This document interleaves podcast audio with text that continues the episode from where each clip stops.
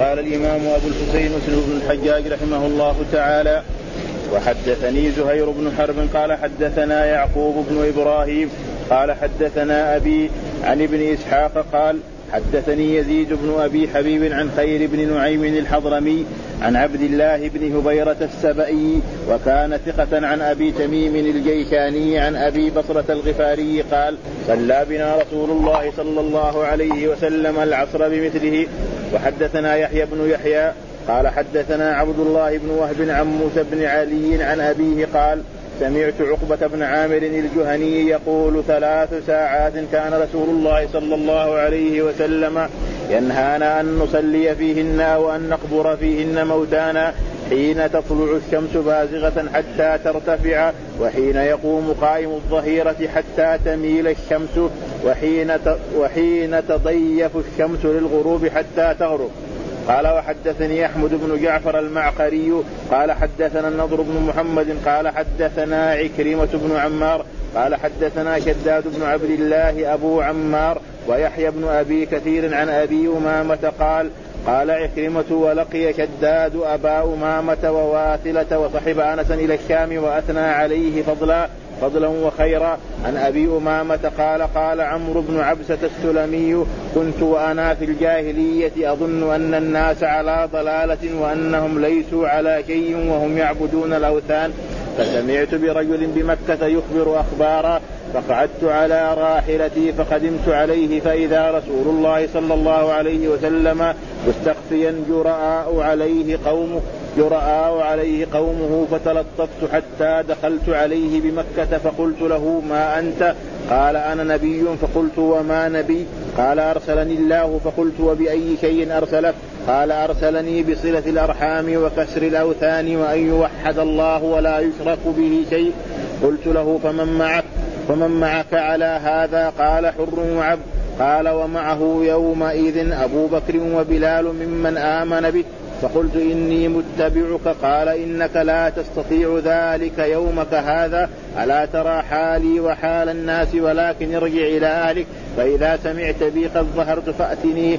قال فذهبت إلى أهلي وقدم رسول الله صلى الله عليه وسلم المدينة وكنت في أهلي فجعلت أتخي أتخبر الأخبار وأسأل الناس حين قدم المدينة حتى قدم علي نفر من أهل يثرب من أهل المدينة.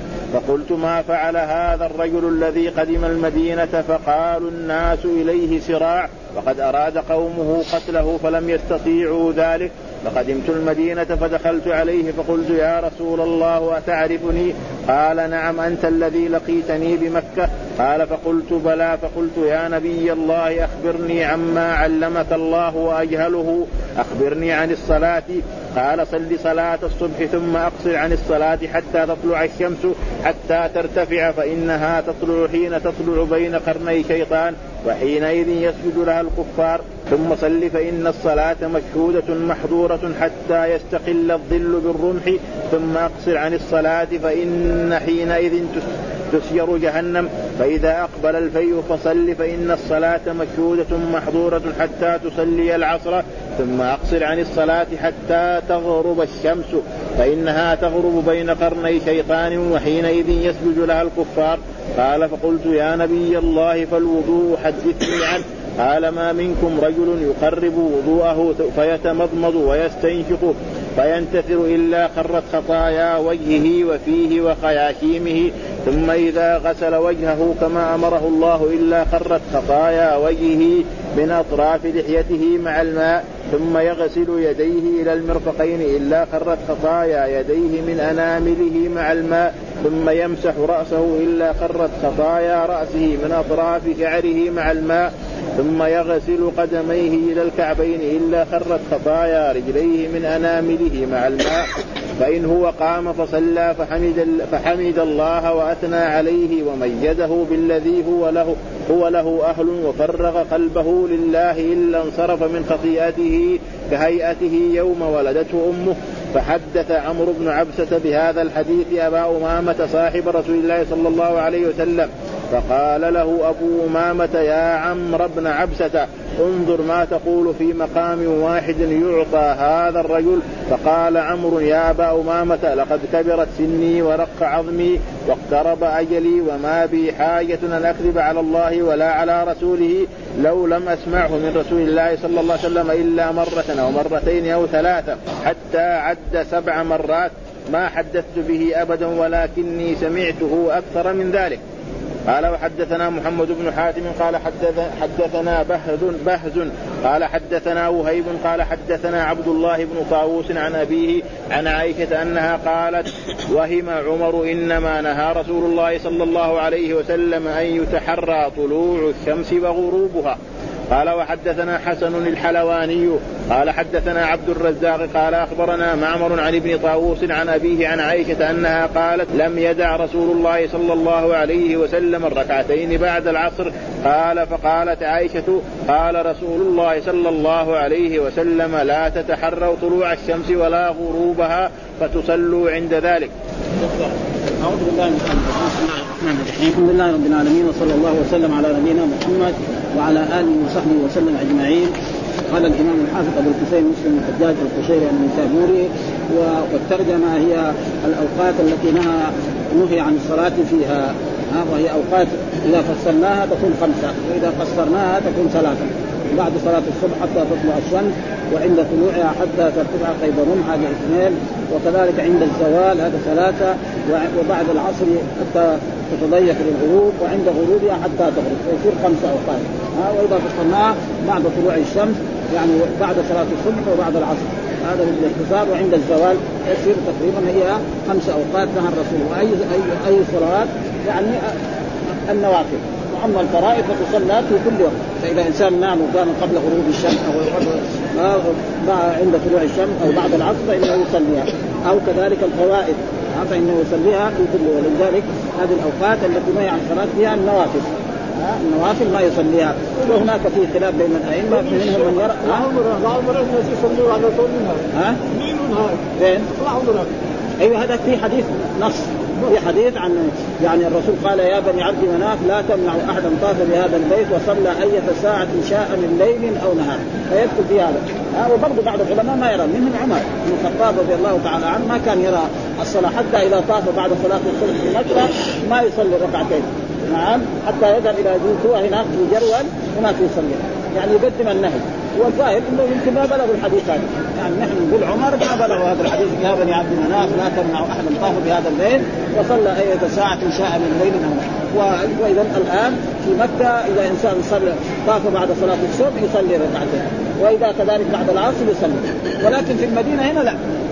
مثلا يعني يشوف بعض الحرام الحجاج يدخل هنا يصلي في الروضة سألنا البعض ليش انت تصلي؟ واحد يقول لك يصلي أيام فوائد وبعضهم يقول لا يصلي إلا الفوائد اللي فإذا يصلي الفوائد جائز ها أما كذلك ما يمنع إنسان يصلي تحية المسجد. يعني كذلك لا يشدد بعض المذاهب إنه ما يجوز بعض الواحد دخل المسجد بعد العصر وصلى ركعتين تحية ما ينكر عليه. ها ما ينكر عليه ها وإذا جلس ما نقول له قم صلي. لأن هذه مسألة فرعية فيها خلاف بين الأئمة فلا يحتاج أن إيه يعني يعنف الإنسان على وكل واحد يعني ذهب لأنه هذول الذين أجازوا ذلك يقول هذه صلاة ذات سبب وثبت أن رسول الله صلى الله عليه وسلم ثبت في حديث أن الرسول صلى بعد صلاة العصر ركعتين. ها وسيأتي هذا الحديث أن سئل قال لأن جاء وفد عبد القيس نعم وشغلوني عن الصلاة يعني النافلة بعد بعد فصليتها الآن. فقال له بعض الناس هل هذا نحن نصليها؟ قال لهم لا. هذه يعني خاصة برسول الله صلى الله عليه وسلم ولذلك يذكر الأحاديث التي في هذا الباب كلها. وهذه من ميزه الإمام مسلم جميع الأحاديث التي في النهي حطها في واحد مثلا. يعني تجيها أكثر من 30 حديث. ها يمتاز بهذا. البخاري لا يجيب كذا شيء جمل بسيطة.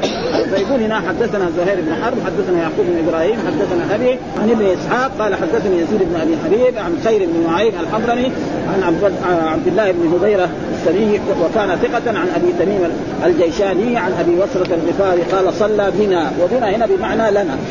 الباء هنا بمعنى اللام. صلى بنا. في أحاديث كثير دائما تأتي كذا.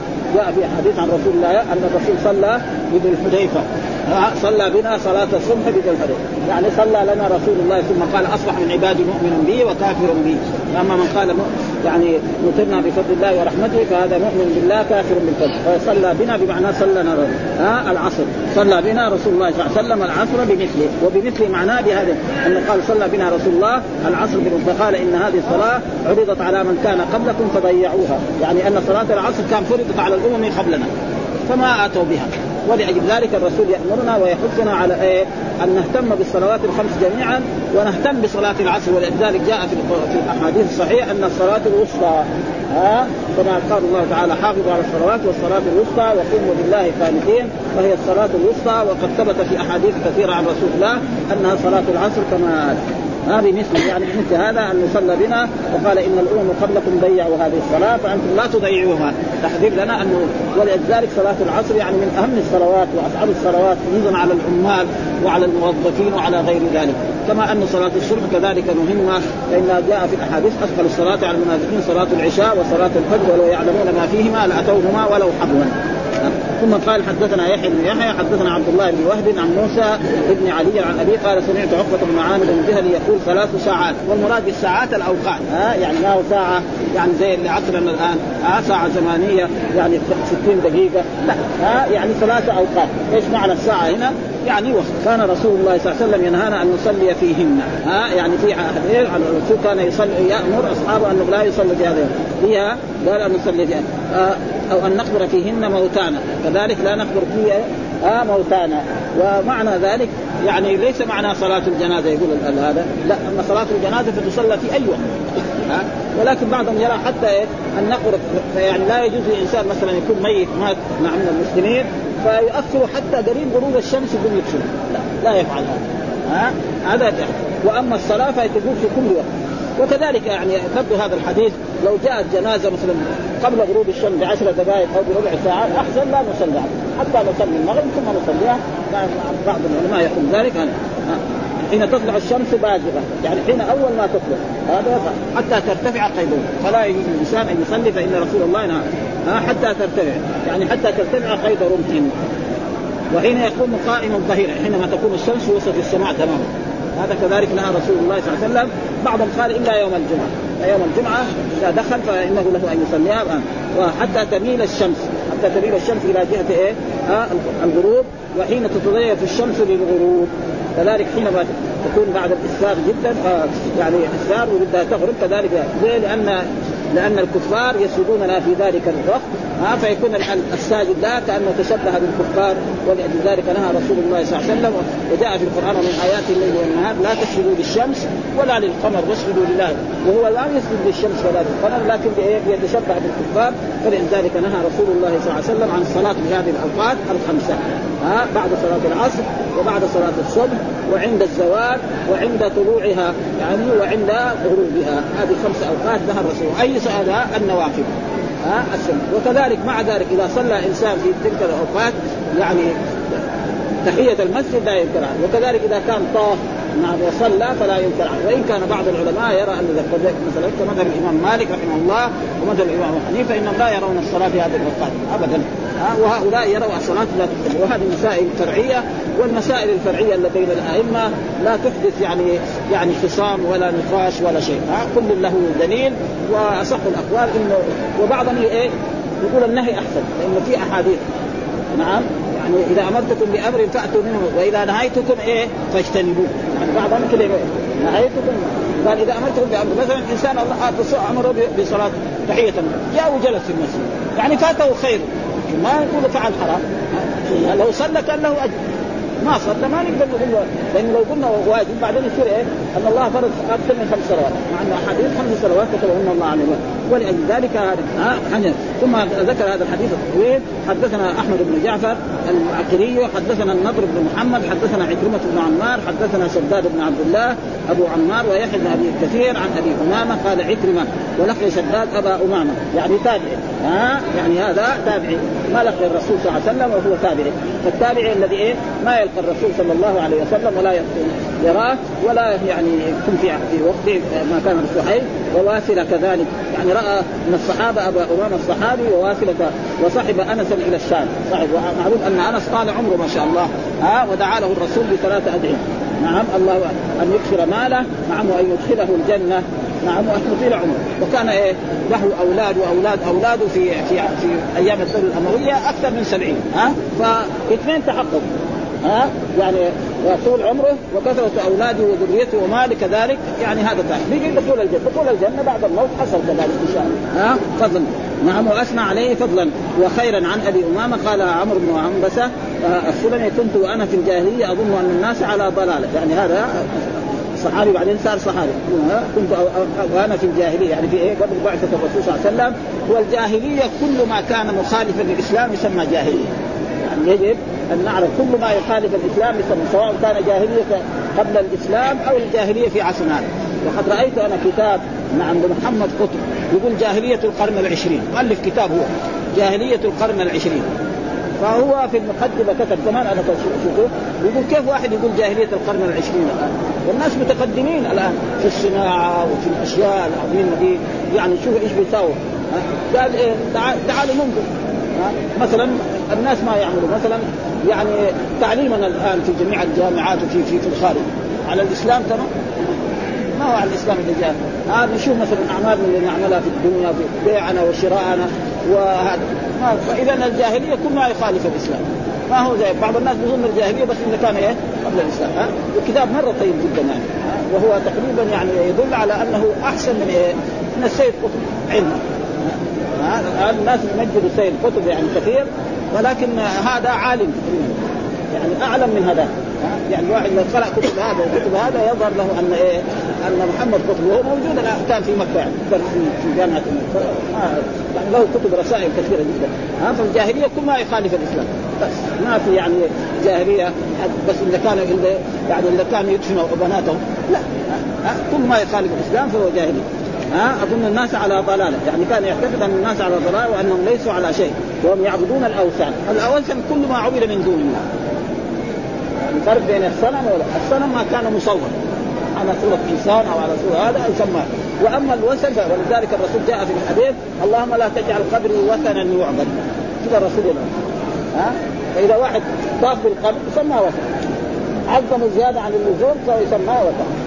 أما الصنم هذا فسمعت برجل بمكة يعني سمع أن هناك رجل بمكة ها يقول أنه نبي وأنه رسول وكذا فهو بدل يشوف الناس هذا قال له خلوا عنه يروح يشوف يقول فأخذ يعني. فقعدت على راحلة يعني ركب راحلته ثم جاء إلى مكة فإذا رسول الله صلى الله عليه وسلم وهذه إذا الفجائية تسمى اللغة العربية تسمى إذا الفجائية وهي إذا الفجائية دائما تدخل على الجمل الإسمية. ما تدخل على إيه؟ على بخلاف إذا الشرطيه هذيك تدخل على الفعل دائما ها مثلا ذلك السماء انشقت وإذ يعدكم الله إحدى الطائفتين. دائما كذا. ها أما إذا الفجائية ما تدخل مثلا خرجت فإذا الأسد بالباب. هذه إذا إيه؟ يعني فاجأه الأسد. أو رجل مجرم يقول فإذا الشرطي بالباب. هذا هذا كذا ها؟ فإذا رسول الله صلى الله عليه وسلم يعني إذا الفجائيه ودائما يكون بعدها مبتدأ. بخلاف هذيك دائما يكون بعدها فعل وإن كان وجدنا اسم فهذا الاسم نسميه فاعل لفعل محذوف. مثال ذلك إذا السماء انشقت. إيش نقول؟ إذا انشق. إذا السماء انشقت يعني إذا انشقت السماء انشقت. ما يعني مثلا طالب قلنا له إذا السماء انشق قال آه السماء مبتدأ. غلط. لازم يقول إيه؟ فاعل لفعل محذوف. ها؟ قال مستخفيا. ها؟ جراء عليه قوم. يعني إيه؟ يعني لأن الرسول جلس ثلاث سنوات في مكة الدعوة سرا. ها؟ الذي يؤمن يأتي إلى الرسول نعم في مكان والرسول يعلمه. سرا. حتى اثنين ثلاثة أربعة عشرة حتى تقريبا ثلاث سنوات. حتى أسلم عمر بن الخطاب رضي الله تعالى عنه وبعدما أسلم عمر بن الخطاب بعد ذلك بدأ يظهر يعني قوة الإسلام فإن عمر بن الخطاب يعني إيش سبب اسلامه؟ أنه تعرض رجلا في في مكة. قال له أنت كيف اتبعت محمد؟ فقال له اتبعت محمد إيش لك أختك وزوجها اسلما فعله كيف؟ يعني أخته وزوجها يسلم فذهب إليهم في البيت وأرى يعني ودخل عليهم وكان عندهم خباب بن الأرض يعلمهم القرآن فأخذوه. وكانت بيدي يعني أختي يعني صحيحه من القرآن وهي فيها طه ما أنزلنا عليك القرآن لتشقى فقال لها أعطني أقرأ وكان لم يكن أميا كان يعرف القراءة والكتابة فقالت أنت كافر. ها أه؟ وهذا كلام الله ما يمسك فاغتسل كما جاء في الأحاديث صحيح اغتسل ولكن رأينا بعض الكتب يقول توضا والوضوء يعني ها أه؟ اغتسل ثم أخذه وقرأ فيها طه ما أنزلنا عليك فين؟ أين رسول الله؟ قال في المكان الفلاني. فذهب إلى المكان وطرق الباب فنظروا من قوة ما في يعني طاقة كذا ها فقالوا هذا فالرسول قال له إذا يريد الخير وجد وإذا يريد الشر نحن أربعين وهو واحد. أربعين رجل ما يقدر على واحد. ما ما كان مع قوة الإيمان والإسلام. فدخل فقابله الرسول وقال له تكلم بكلمة التوحيد أشهد قال أشهد. ثم بعد ذلك أمر يعني عمر أن يذهب الرسول وأصحابه إلى الكعبة هناك ويصلي أمام الكعبة. ذاك اليوم الإسلام ولذلك كان إيه هذا معناه جراء عليه يعني إيه هو التسلط عليه. كانوا يضربون أصحاب الرسول ويؤذونهم حتى اضطروا إلى الهجرة مرتين. فقلت ما أنت؟ قال أنا نبي. ها نبي. يعني إيه يعني نبي ورسول. ها فكل رسول نبي قال أرسلني الله فقلت بأي ارسل؟ قال أرسلني بصلة الأرحام. ها هذا إيه من مكارم وكسر الأوثان. كما أن الرسول بعد ذلك ما فتح مكة وأن يوحد الله لا يشرك به لا شرك أكبر ولا شرك قلت فمن معك على هذا؟ قال حر وعبد. والمراد بالحر أبو بكر الصديق رضي الله تعالى عنه والعبد نعم بلال. نعم. وجاء في أحاديث أن أول من أسلم بالرسول صلى الله عليه وسلم وآمن به من الرجال أبو بكر ومن الصبيان علي بن أبي طالب ومن النساء خديجة ومن الموالي كذلك بن زيد بن ثابت آه زيد بن إيش؟ زيد بن حارثه زيد بن حارثه أي. ثم الصبيان علي فهذول هم الذي وبعد ذلك وكذلك بعد ذلك مثل عبد الرحمن بن عوف وعثمان بن عفان وهكذا حتى أصبحوا أربعين. قال قال حر وعبد قال وقال ومعه يومئذ أبو بكر وبلال ممن آمن فقلت إني متبعه. يعني أنا بدي أتبعك واجب خمس ساعات لاتعلم ديني. ها قال إنك لا تستطيع ذلك. يعني ما يمكن الآن إذا إذا جلست هنا تؤذى. ها يمكن تقتل يعني. ها ارجع إلى بلدك وهذا حصل. فإن أبا ذر الصحابي الجليل لما سمع أن الرسول صلى الله عليه وسلم يعني ظهر بمكة أمر أخاه أن يذهب إلى مكة ويعطيه بخبره فجاء اخاه آه وصل أخاه إلى مكة وسأل عرف الرسول. يعني كيف ما ما ما قدر يرد له شيء. فقام هو ركب وجاء إلى رسول الله صلى الله عليه وسلم و... وأسلم. ولما أسلم وشهد أن لا إله إلا الله وأن محمدا رسول الله ذهب إلى الكعبة هناك وصلى. فقاموا عليه قريش كيف تصلي وضربوه وفعلوا به أفعال؟ فجاء العباس وخلصه منه. قال لهم طيب, طيب بعد بعدين يعني إيش يسوي بني إيش يسوي؟ يمنعوا تجارتكم. ثم بعد ذلك أمره الرسول أن يعود إلى بلده حتى ظهر الاسلام ثم بعد ذلك جاء واسلم كما هو معروف أن أبا ذر من كبار أصحاب رسول الله صلى الله عليه وسلم قال فهذا يعني لا يستطيع ذلك هذا آه، ألا ترى حالي وحال يعني نحن الآن في السر. آه ولكن ارجع إلى أهلك فإذا سمعت بي وقد ظهرت فأتني. إذا سمعت لأن الله قال له على الدين كله. لابد أن دين الإسلام هذا يظهر على جميع الأديان ويكون له الغلبة. ولكن الآن ما يمكنك أن تلبس مكه فإنك تؤذى وقد تقتل فعود إلى بلدك. والشيء الذي تعلمته مني يعني افعل. وهو عبادة الله وحده لا شريك له. إلى غير ذلك من الاسناد ها؟ فذهبت إلى أهلي وقدم رسول الله المدينة وكنت في أهلي يعني في إيه؟ في قبيلتي فجعلت أتفكر الأخبار. كل ما يجي ناس من جهة المدينة أسألهم. ها؟ جاء وصلكم كذا محمد أو وصلكم النبي هذا حين قدم حتى قدم علي نفر. والنفر معناه الجماعة من ثلاثة إلى عشرة من أهل المدينة من أهل يثرب. المدينة كانت تسمى يثرب قديما ثم نهى رسول الله صلى الله عليه وسلم عن تسميتها يثرب. ها فسميت المدينة وسميت طيبة وطابة. ونهى رسول الله صلى الله عليه وسلم وجاء في القرآن يا أهل يثرب لا مقام لكم. ها وبعد ذلك نهى رسول الله صلى الله عليه وسلم ولكن بعض المرات يعني ها فقلت ما فعل هذا الرجل الذي قدم المدينة؟ فقال الناس إليه صراع. هذا الرجل قدم المدينة الناس يسمعون إلى الاسلام إيه؟ وقد أراد قومه قتله. ها مثل ما اجتمعت قريش على قتل رسول الله صلى الله عليه وسلم في مكة وإذ يمكر بك الذين كفروا ليثبتوك أو يقتلوك أو يخرجوك ويمكرون وت... وحاصروا بيت رسول الله صلى الله عليه وسلم إذا خرج يضربوه ضربة رجل واحد ويقتلوه. فبنو هاشم لا يستطيع مقاتلتهم فيقبل الدية ويستبيح من محمد. هذه فكرته وبعد ذلك الرسول خرج الرسول ورمى على كل إنسان تراب. وكل واحد أصاب هذا التراب في عينه نعم وفي فمه نعم وعلى رأسه. الصباح أصبح وجد كذا التراب. ثم خرج الرسول وبعد أيام ما بلغهم إلا ورسول الله صلى الله عليه وسلم في المدينة ورجعوا بعد كمان ثمانية سنوات واذا الرسول يدخل مكة منتصرا على قريش. وهذا تقريبا يعني ففهم من ذلك أن آه، قال نفر من أهل المدينة فما فعل هذا الرجل فقال الناس صراع إليه. يعني إيه؟ الإيمان. كثر الإيمان به وقد أراد قومه فلم يستطيعوا ذلك فقدموا في المدينة فدخلت عليه. وهو هذا الصحابي الذي إيه عمرو بن عنبسه ابن عباس بعد ذلك جاء من أهله ودخل على رسول الله صلى الله عليه وسلم فقال للرسول هل عرفتني؟ فالرسول عرف يعني مع في بينما الآن كان يمكن يمكن أكثر من عشر سنوات ومع ذلك عرفه قال نعم كنت أنت لقيت مكه فقلت بلى فقلت يا نبي الله أخبرني عما علمك الله وهذا محل الشاهد يعني كل هذا الحديث يبني إيه؟ بهذا وأما ذاك يعني استطراد علمني ما علمك الله واجهله يعني ما علمته وأنا أجهل. أخبرني عن الصلاة. ها وهذا محل الشاهد الذي سيق الحديث هذه الجمل. عن الصلاة. يعني متى أصلي ومتى لا أصلي؟ قال صلي صلاة الصبح ثم اقصر عن الصلاة. هذا يعني إذا صليت الصبح لا تصلي نوافل. ها؟ لا تصلي بعدها نوافل. حتى تطلع الشمس حتى ترتفع. مو عند طلوعها حتى ترتفع قيد فانها تطلع حين تطلع بين قرني الشيطان. وقرني الشيطان قالوا إيه ناحيته أو أن له قرون. هذا وحينئذ يسجد لها الكفار. والله نهى عن ذلك ثم صلي فإن الصلاة مشروعة محظورة. بعد بعد ما تطلع الشمس صلي لين وقت الزوال. ثم إذا جاء وقت الزوال كذلك لا تصلي فإن النار يعني تسر في ذلك يعني توخذ. يعني زاد في إيه؟ وقودها عشان في الإنسان يكون عنده حطب ثم أقصر عن الصلاة فإن حينئذ تسجر جهنم. جهنم. ها؟ فاذا ومعنى قال إلى جهة المشرق لأنه دحين الشمس لما توصل وسط السماء كذا ها وهي جاية من هنا تغرب بعد ذلك تصير إيه؟ الفيء يعني إلى جهة إيه؟ المشرق يصير الفيء من هذه الجهة. ها ويستمر هكذا. مثلا الشرق الان كذا فهي الأول في وسط السماء ما في تصير الشمس يبدا تحت الشيء. ثم بعد ذلك يجي إيه؟ لما يجي العصر يصير كل شيء مثله. فهنا يعني فإذا أقبل الفيء إيش معنى ظهر إلى جهة المشرق؟ أنا. ها؟ فإن الصلاة مشهوده محظوره حتى تصلي العصر. حتى تصلي العصر كذلك تصلي لك أن تصلي بعد الظهر إلى العصر. فإذا صليت العصر كذلك اقصر عن الصلاة. حتى تغرب الشمس فانها تغرب بين قرني الشيطان وحينئذ يسجد لها الكفار ها؟ والكفار يسجدون لها. تبين أن في بعض من الكفار كان يسجد للشمس وكان يسجد القمر كما جاء في القرآن يعني قصة إبراهيم عليه السلام.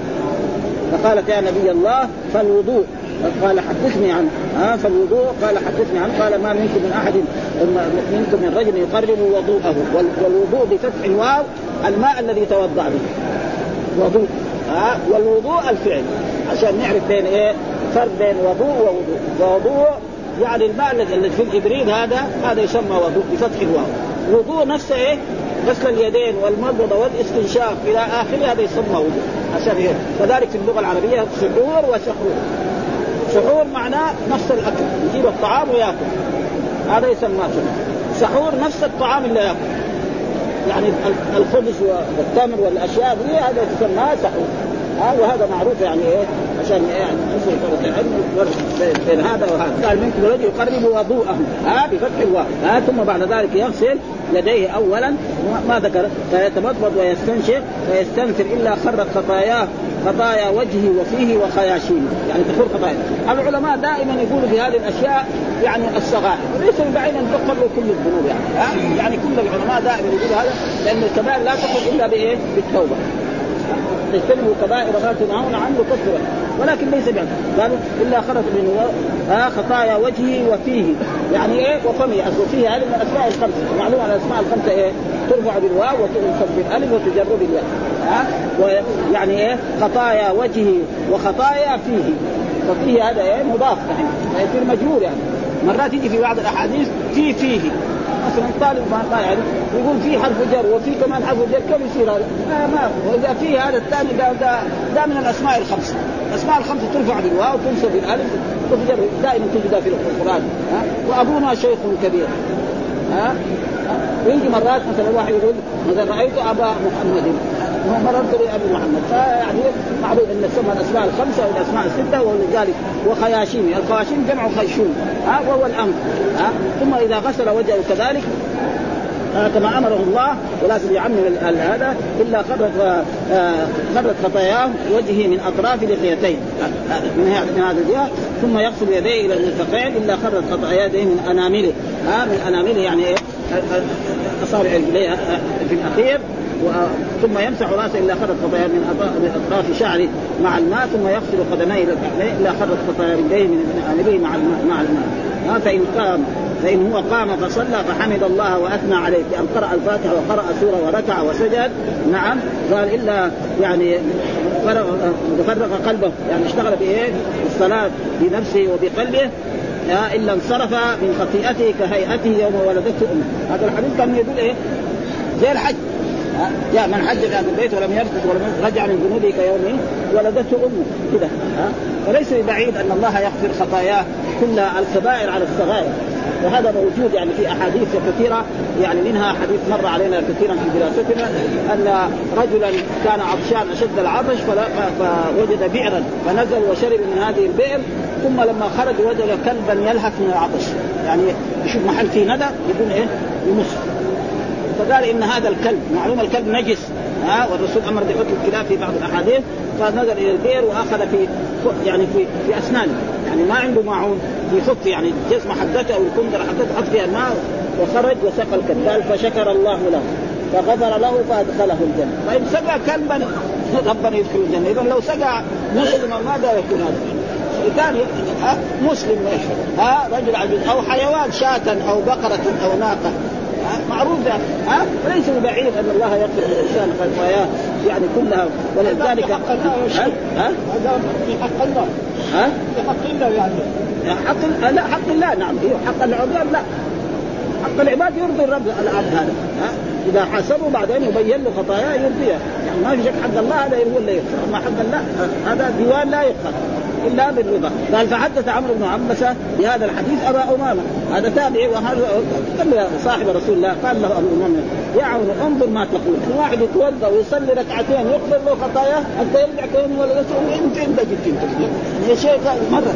يعني رجل يتوضأ و ويصلي ركعتين نعم وتغفر خطاياه كلها يعني شو بعيد؟ إنه أمر يعني يعني ركعتين كم تأخذ؟ خليها تأخذ خمس دقائق. فكم يعني أنت بلكن بلكن أنت غلطان؟ يمكن ناس ها بلكن الرسول ما قال لك كذا. ها؟ يعني وهذا تقريبا فدل يعني في مقام هذا واحد يعطى هذا الرجل في مقام واحد يصلي خمس دقائق يعطى هذا هذا الأجر كله. فقال عمرو يا أبا أمامة لقد كبر السن. أنا رجل كبير الآن. ها؟ يمكن عمري سبعين ولا ستين. ورق عظمي فان صرت ضعيف. واقترب أجل قريب أموت يعني. وما لي حاجة أن أكذب على الله وعلى رسوله. ليش أنا أكذب على الله وعلى يعني الناس الكذابين ما يكذبوا على الله وعلى يكذبوا على على الأفراد وعلى ها؟ ها؟ لو لم أسمعه من رسول الله إلا مرة أو مرتين أو ثلاث حتى عد سبعة. أنا سمعت هذا الحديث من رسول الله سبع مرات. ولذلك حدثني. وهذا ليس معنى ذلك أن الإنسان ما يحدث عن رسول الله إلا لما يسمع يعني سبع مرات. ها؟ يعني قبول إيه؟ الواحد هذا موجود معروف في في أحاديث رسول الله صلى الله عليه وسلم أنه يقبل إيه؟ الثقة الواحد وهذا موجود في أحاديث كثيرة عن رسول الله صلى الله عليه وسلم مثل ما حصل لما الرسول صلى الله عليه وسلم يعني جاء أمر الرسول صلى الله عليه وسلم ان يستقبل القبلة. فاستقبل الرسول القبلة و... ورجل من أصحاب رسول الله صلى الله عليه وسلم خرج من ذلك وذهب إلى قوى وجدهم يصلون إلى بيت المقدس. فقال صليت خلف رسول الله صلى الله عليه وسلم قبل الكعبة. فتحولوا معناه يصلي كده القبله كانت كده قبل تحولوا واحد من قال له تحولوا ورجعوا كده ها؟ ها؟ وأي عالم أو طالب علم يقول لا ما يقبل يعني قول الثقه الواحد هذا فهو غلطان هذا. لأن أحاديث كثيرة موجودة من هذا النوع. فلذلك له وهذا ليس معنى ذلك أن الإنسان لا يحدث بحديث عن الرسول حتى يسمعه سبع مرات. لا ها؟ هذا إنما هو أراد يؤكد معناه وأنه ومحل الشاهد كله الذي يعني يريده أن الرسول نهى عن الصلاة بعد العصر وبعد الصبح. هذا محل الشاهد الذي يطابق الترجمة. ها يطابق الباب. والباقي هذا فوائد. يعني جاءت في الحديث استطراد ثم ذكر قال حدثنا محمد بن حاتم حدثنا بهز حدثنا وهيب حدثنا عبد الله بن طاووس عن أبيه عن عائشة أنها قالت وهم عمر إنما نهى رسول الله صلى الله عليه وسلم أن يتحرى طلوع الشمس وغروبها، يعني معنى أن عمر بن الخطاب كان في خلافته كان أي إنسان يصلي بعد العصر؟ نعم يضربه. هو وعبد الله بن عباس. إذا شاف إنسان يصلي يضربه وبعضهم ينهاه. فيقول في في الشرح إنه إذا كان يعني عنده خبر يضربه. لأنه عمر بن الخطاب عنده درة. ماشي معاه. دائما محل ما يروح إلى معاه. أي واحد يخالف يقول على على رأسه. فإذا كان ما عنده خبر يعني ينهاه في اللطف وإذا كان لا مره نهاه وبرضه قال فكان يضر. وكان معه كذلك عمر بن الخطاب فلذلك فتقول عائشة إنما آه، الرسول يعني عمر بن الخطاب يعني شوية شدد في الموضوع. إنما الشيء الذي نهى عنه رسول الله صلى الله عليه وسلم إنسان يتحرى عند طلوع الشمس وعند غروبها يصلي أما كونه يصلي بعد العصر هذا ما نهى عنه. هذا كلام إيه؟ عائشة رضي الله عنها. مع إنه الحديث صحيح. نهى رسول الله عن الصلاة بعد الصبح وبعد العصر. هذا صريح يعني ما في يقول يعني مثلا إنسان مثلا يشوف قريب غروب الشمس يقوم يصلي أو مثلا ياخر العصر إلى غروب الشمس. هذا الذي نهى عنه رسول الله. ها؟ فهي كلامها ولكن على كل حال هي رأيها هي ولكن عمر عنده أحاديث لأن الحديث الأول عن عمر بن الخطاب. أول حديث أتى به نهى رسول الله صلى الله عليه وسلم عن الصلاة بعد الصبح وصلاة العصر. من مين؟ مين رواه من الصحابة؟ عمر بن الخطاب. هذا فإذا هي عائشة تقول لا إنما الشيء الذي نهى عنه رسول الله صلى الله عليه وسلم أن الإنسان يتأخر. الصلاة حتى عند غروبها عند طلوعها يكون يصلي سواء كانت فريضة أو نافلة هذا الذي نهى عنه. وأما كون يصلي بعده وخصوصا إذا كانت الصلاه لا تصح. ومع ذلك يعني هذا رايها الخالد. قال تعني عمر بن الخطاب في رواية النهي عن الصلاة بعد العصر مطلقا وإنما نهى عن التحري. قال القاضي إنما قالت عائشة هذا لما روته من صلاة النبي صلى الله عليه وسلم الركعتين بعد العصر. لانها ثبت عند أن الرسول كان إذا دخل بعد العصر يوميا يصلي ركعتين بعد العصر. فكيف الجواب على هذا؟ قصة أم سلمه سيأتي كذلك قصه ام سلمه أن الرسول كان نهى عن الصلاة بعد العصر ونهى أصحابه وفي مرة من المرات رأت الرسول يصلي بعد صلاة العصر في فقالت يا للجاري اذهبي وقولي انت نهيتنا عن صلاة ورايناك انت تصلي؟ يعني بأدب. فقال إن يعني وفد القيس وصلوا وشغلوني بعد بعد الظهر ما صليت الراتبة والآن أصليها. ثم عائشه تقول إنه كان الرسول إذا بدأ شيئا يواظب عليه. فاذا المقصود يعني المسألة لا لا ينكر فبعض البلاد الإسلامية ما يعرفها. لو راوا إنسان يصلي بعد بعد العصر تحية المسجد ينكر عليه. فاذا لا ينكر عليه. وإذا كذلك ما صلى الإنسان ما يخاصم يعني ابدا ها بشرط إيه النوافل قالت وهم عمر إنما نهى رسول الله أن يتحرى طلوع الشمس. يعني عند طلوع الشمس يكون يصلي وغروب. هذا الشيء. أما كونه يصلي بعد العصر سنة يعني نسيها راتبة أو يصلي تحية المسجد أو يصلي ركعتي الطواف فإن ذلك عليه. أو يصلي مثلا خطبة التلاوة أو الشكر أو الكسوف أو غير هذا. وذكر بعد ذلك الحديث الثاني الذي قال حدثنا حسن الحلواني حدثنا عبد الرزاق قال أخبرنا معمر عن ابن طاووس عن ابي عن عائشة انها قالت لم يدع رسول الله صلى الله عليه وسلم الركعتين بعد العصر. هذا محل. ها أن الرسول كان إيش يعني بعضنا يؤول هذا أن الرسول كان إيه يعني النوافل واجبه عليه. بالنسبة لقول الله تعالى يا أيها المزمل يا المزمل الليل إلا قليلا نصره أو ينقص منه قليلا أو زد عليه ورد أن قيام الليل والنافلة واجبه على رسول الله. وأصح الاقوال الذي قال الإمام النووي لا أن هذا نسخ عن الرسول وعن غيره من الأمة. أن قيام الليل ليس واجبا لا على رسول الله صلى الله عليه وسلم ولا على على المسلمين جميعا. هذا ما ترجم لنا ترجمة بمثل ذلك فاذا يعني هذا كان اجتهاد من عمر رضي الله تعالى عنه كان إيه ينهى عن ذلك وعلى كل حال النهي يعني كما يرى بعض العلماء مقدم على الأمر. قال إذا نهيتكم إيه عن أمر فاجتنبوه وإذا أمرتكم فأتوا منه ما استطعتم. ها النهي لازم الإنسان يجتنبه تماما.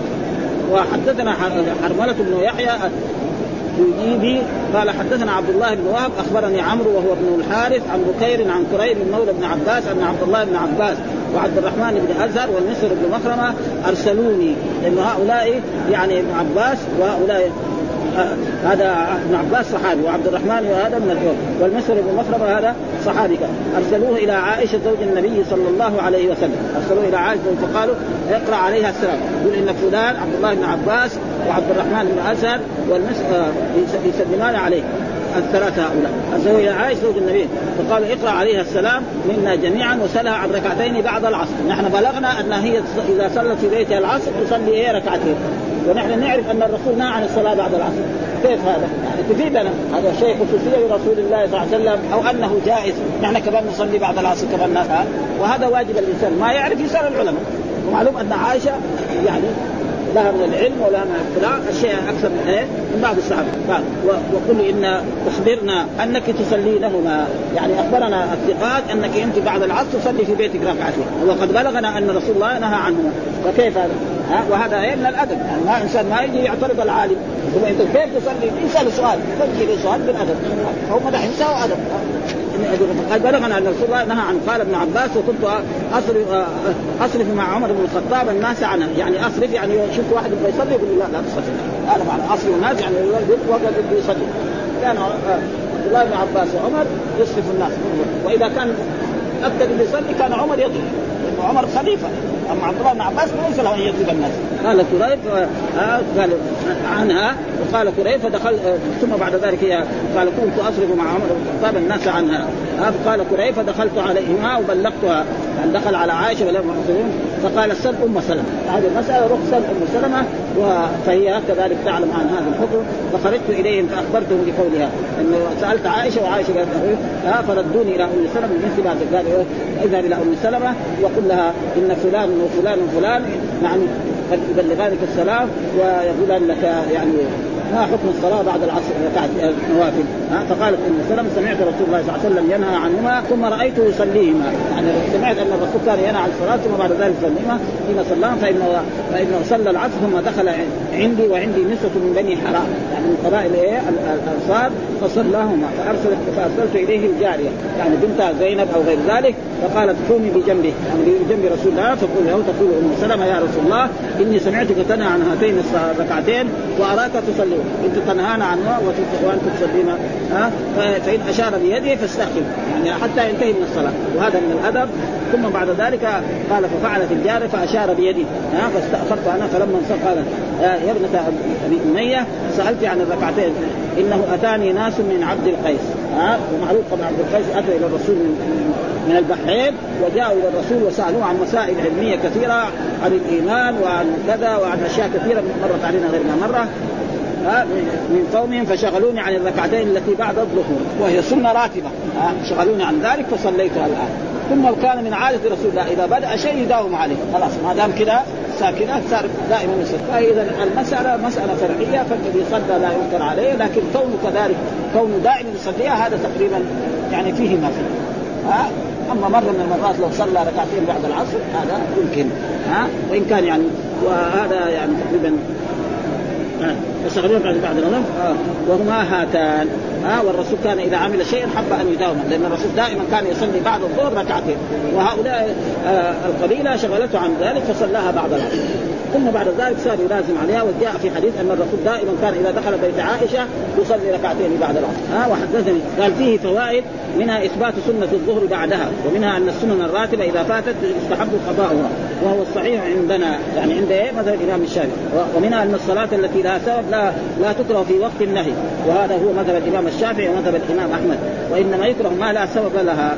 ها الذي ما له سبب وهذا الحديث آه آه عمدة أصحابنا في المسألة وليس أصح دلالة منه. ودلالته ظاهرة فإن قيل فقد داوم النبي صلى الله عليه وسلم عليها ولا يقولون بهذا قلنا لأصحابنا في هذا وجهان آه حكاهما المتولي وغير أحدهما القول به فمن داره سنة, سنة الراتبة قضاها في وقت النهي كان له أن يداوم على صلاة مثلها في ذلك الوقت، والثاني وهو الأصح الأشهر ليس له ذلك وهذا من خصائص رسول الله صلى الله عليه وسلم، يعني الرسول له أن يصلي بعد العصر.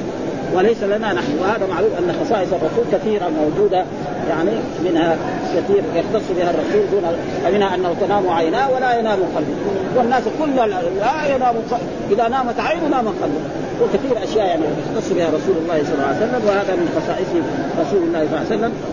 وكذلك قال حدثنا يحيى بن يحيى وقتيبة بن وعلي بن حجر قال ابن أيوب حدثنا إسماعيل وهو ابن جعفر ومحمد بن محمد وهو ابن أبي حربان قال أخبرني أبو سلمة أنه سأل عائشة عن السجدتين اللتين كان رسول الله صلى الله عليه وسلم يصليهما بعد فقالت كان يصليهما قبل العصر ثم إنه شغل عنهما أو نسيهما فصلاهما بعد العصر. خلاص ها كان يصليهما قبل العصر فشغل ها أو نسيهما عن الأسود عن مسروق ومسروق قال نشد على عائشة أنها قالت ما كان ما كان قالت ما كان يوم الذي كان يكون عندي إلا صلاهما. وهذا كذلك بعد إيه؟ بعد وصول رسول الله صلى الله عليه وسلم في بيته تعني الركعتين بعد العصر. لأنه لما فعلها مرة صار إيه؟ يلازم عليها باستمرار. فهذا والمسألة زي ما قلنا مسألة شرعية. فلا تحدث بين المسلمين خلافا أو شقاقا. أو بين طلبة العلم. واحد يشوف واحد يصلي بعد العصر ركعتين تحية المسجد ينكر عليه. أو إنسان يجلس فيقول لا قوم هذه المسائل الفرعية لا زي ما قلنا يعني الرسالة يعني التي يعني فيها اختلاف العبادات هذه لا لا تحدث يعني يعني في شقاق بين المسلمين. والحمد لله رب العالمين وصلى الله وسلم على نبينا محمد وعلى آله وصحبه وسلم.